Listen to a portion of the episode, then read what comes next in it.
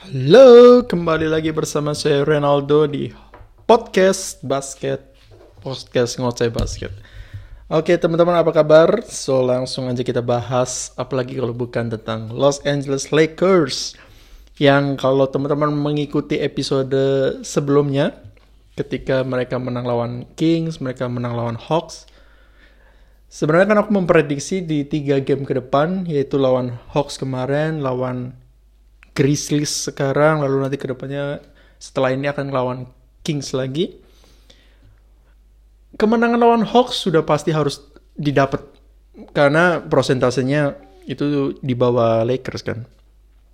Sedangkan lawan Grizzlies sebenarnya kalau teman-teman juga mendengarin, uh, ya aku juga udah memprediksi, maksudnya nggak memprediksi ya, maksudnya nggak terlalu banyak berharap Lakers bisa menang lawan Memphis karena tren recordnya Lakers di musim ini melawan tim-tim yang ada di atasnya mereka itu cenderungnya kalah mungkin ya. Cenderung buruk gitu loh. Bahkan kalau nggak salah Lakers kayaknya kalau lawan tim-tim di atas mereka itu mereka belum pernah menang deh. Maksudnya yang prosentasenya di atas mereka itu kayaknya belum pernah menang. Lawan Warriors lawan uh, Suns Utah Jazz lawan Memphis Terus kalau dari East juga lawan uh, Bulls, lawan Bucks, lawan Nets. Kayaknya mereka belum pernah menang gitu loh. Jadi most of the wins yang Lakers punya itu lawan tim-tim yang prosentasenya jauh di bawah Lakers. Jadi makanya sekalipun Lakers sebelum lawan Memphis tadi malam punya tren yang bagus, empat kali kemenangan beruntun. Sebenarnya kalau kita lihat kan empat kali kemenangan itu kan juga melawan tim-tim yang ya yang ada di bawah Lakers di mana ya mereka menang gitu. Walaupun sekalipun demikian kan basket tetaplah basket kan gimana mulainya ya 0-0 kedua tim punya 50-50 chance dan Lakers memang lagi megang momentum.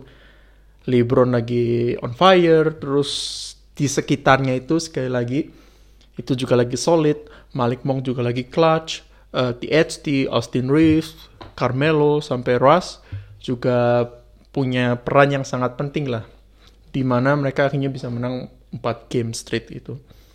Tapi kembali lagi ketika lawan Memphis, I didn't expect much. I didn't hope much uh, Lakers bisa menang walaupun mereka main di kandang sendiri. Karena ya murni dari trennya itu dan terbukti kalau kita bisa dibilang uh, Lakers dibantai sama Memphis di kandang sendiri.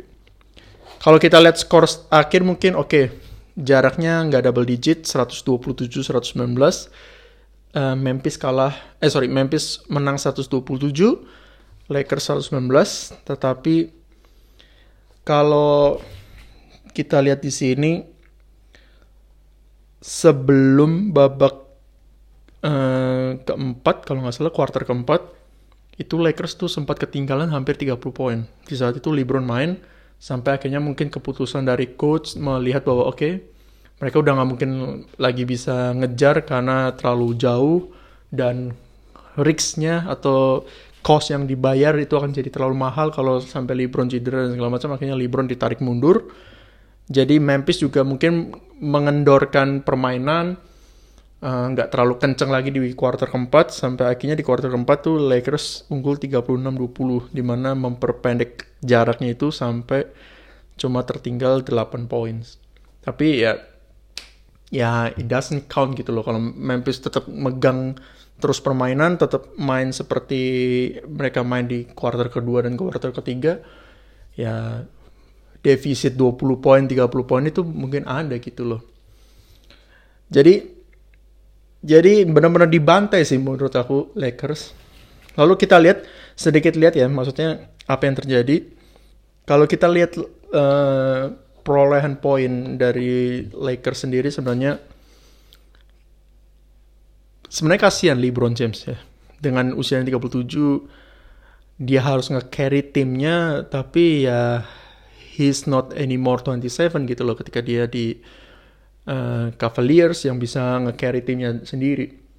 Dia udah 37, dia nggak mungkin bisa lari ke sana sini, dia nggak bisa jump every ball, dia nggak bisa block every ball, dia nggak bisa attack every uh, chance dan segala macam. Dia makanya lebih banyak ke assist dan segala macam. Kalau kita lihat postingan LeBron James yang terbaru, di mana statistiknya dia ketika dulu di Cavaliers, di Miami sampai sekarang di Lakers, ada satu yang naik, yaitu assistnya dia. Prosentase assistnya dia naik, prosentase reboundnya dia turun ya menunjukkan bahwa permainannya LeBron ya memang udah nggak bisa lagi seperti dulu yang agresif yang bisa nge-carry tim.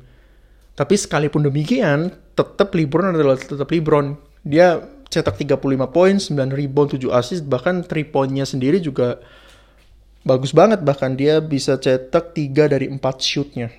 75%. Seorang yang bukan 3 point shooter, bahkan LeBron di game ini bermain di center, posisi center. Dan yang ironisnya adalah perataan pemain eh, rataan poin dari pemain lainnya yang sangat-sangat jauh di bawah ya. Yang tertinggi mungkin cuma uh, cuma Austin Reeves dia 16 poin dia cetak. THT dia cetak 13 poin. Terus uh, ada Wayne Ellington dia cetak 16 poin.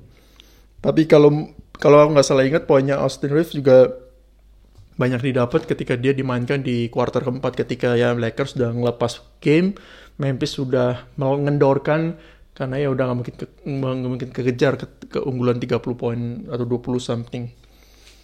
Jadi sebenarnya nggak terlalu valid lah poin itu mendukung bahwa LeBron nggak sendirian di tim itu.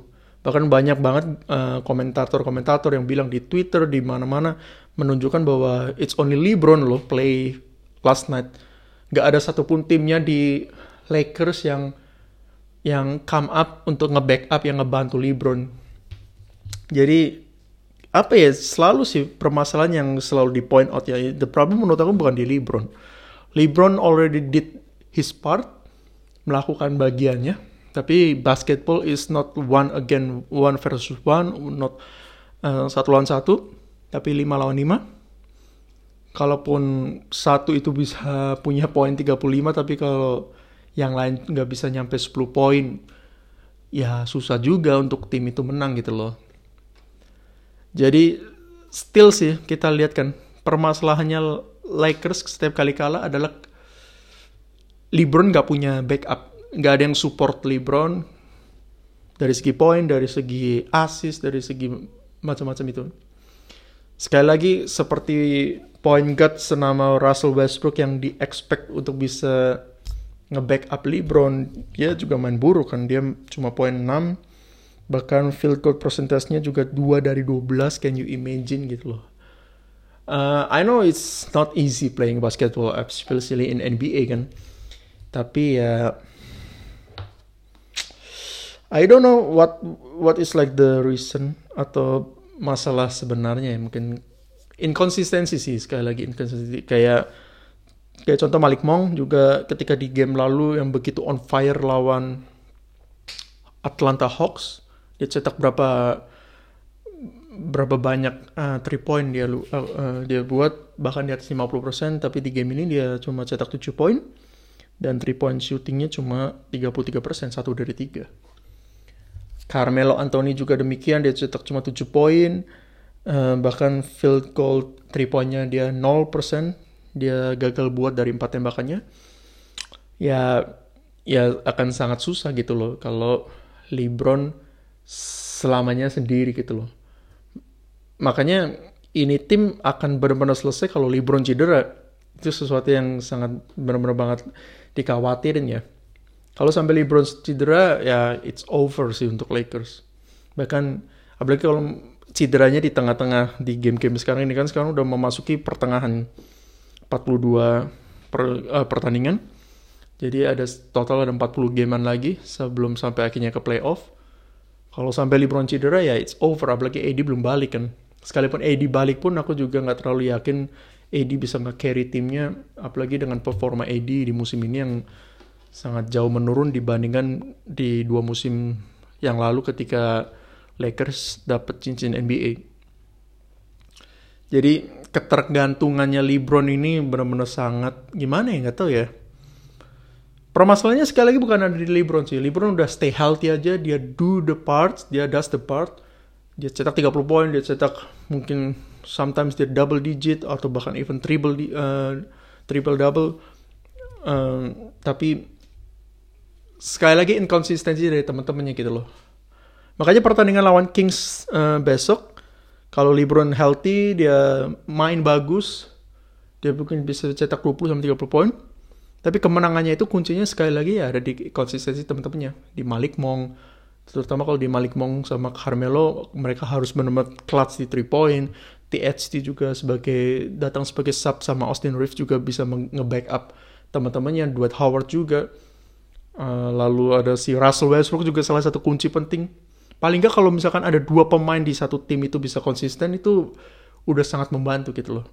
Jadi makanya nama seperti Russell Westbrook yang yang harusnya di expect sebagai big three-nya Lakers di musim ini, ya harusnya dia yang bisa konsistensi gitu, punya konsistensi minimal ya makanya kan LeBron eh si Russell Westbrook juga pernah ngomong di media you cannot expect me apa gitu loh maksudnya untuk cetak berapa poin, berapa puluh assist, berapa puluh rebound setiap gamenya. We don't expect that that you have to do it, but at least ya be consistency, be consistent in in points. Paling gak setiap game bisa at fresh 20 poin. Belasan aja udah udah bagus lah istilahnya gitu, tapi jangan sampai ya ya masa dua dari 12 gitu loh. LeBron need helps gitu loh kalau tim ini mau championship ya they need helps gitu loh. Karena kalau enggak ya playoff mungkin mereka masih bisa masuk tapi ya nggak sejauh sampai semifinal mungkin. Apalagi kalau mereka kembali masuk ke play-in turnamen, mungkin mereka masih bisa lolos karena mungkin ketemunya oke okay, pertandingannya mungkin cuma lawan Clippers atau Spurs atau Sacramento atau siapa sih? Ya, ya tim-tim itu mungkin masih bisa masuk tapi kan setelah itu mereka akan ketemu langsung Golden State sama atau Phoenix Suns yang kalau mereka permainnya seperti ini ya, ya ya not chance gitu loh. Atau mungkin mereka mungkin masih bisa finish di posisi ke-6, posisi ke-5 mereka menghindari dua permainan uh, dua tim itu oke okay, mereka ketemu Memphis atau ketemu Utah Jazz. Ya walaupun kita tahu LeBron is another LeBron kalau di playoff tapi kan still kayak Golden State, apalagi Clay Thompson udah balik, mereka udah full team lagi. Phoenix Sun juga lagi benar-benar hot-hotnya.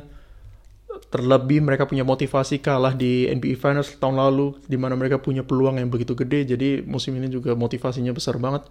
Jadi kalau tim teman-teman yang nggak punya konsistensi ini, ya LeBron agak kesusahan ya untuk dapat cincin kelimanya. So itu dulu mungkin tentang Lakers lawan Memphis. Sayang sekali uh, empat kemenangan beruntunnya harus kalah dengan Memphis sendiri sebenarnya lagi on fire juga sih. Uh, dengan sembilan kemenangan beruntunnya dan sebenarnya kalau Ryan Prohinnya juga ya merata inilah yang membuat Memphis mungkin menang ya. Merata ya Moran uh, Moran cuma walaupun 16 poin tapi teman-temannya kayak Jackson Junior mereka dia cetak 21 poin Anderson 14 poin terus Ben uh, Desmond Ben juga cetak 23 poin, terus dari bench juga beberapa pemain bisa double digit dan itu yang yang membuat mungkin mereka sampai sekarang 9 kali kemenangan beruntun kalau nggak salah. Ya sangat konsisten juga ya untuk di Western Conference. Oke mungkin itu dulu dari episode kali ini aku nggak mau lagi kepanjangan. Uh, see you in the next episode Lakers lawan Kings. Hopefully Lakers win. Karena they have to win. Kalau enggak prosentasenya akan kembali ke 500 ya it's gonna be hard gitu loh. Karena menurut aku kalau aku nggak salah lihat statistiknya juga tim-tim kayak Dallas sama Denver yang which is uh, saingan mereka untuk ngerebutin posisi ke 5 ya Dallas sama Denver mereka mulai konsisten. Mereka mulai uh, do the wins and so on. Jadi ya they have to bounce back again, terutama lawan tim-tim yang ada di bawah mereka. So okay, see you again in Lakers versus Kings. Bye bye.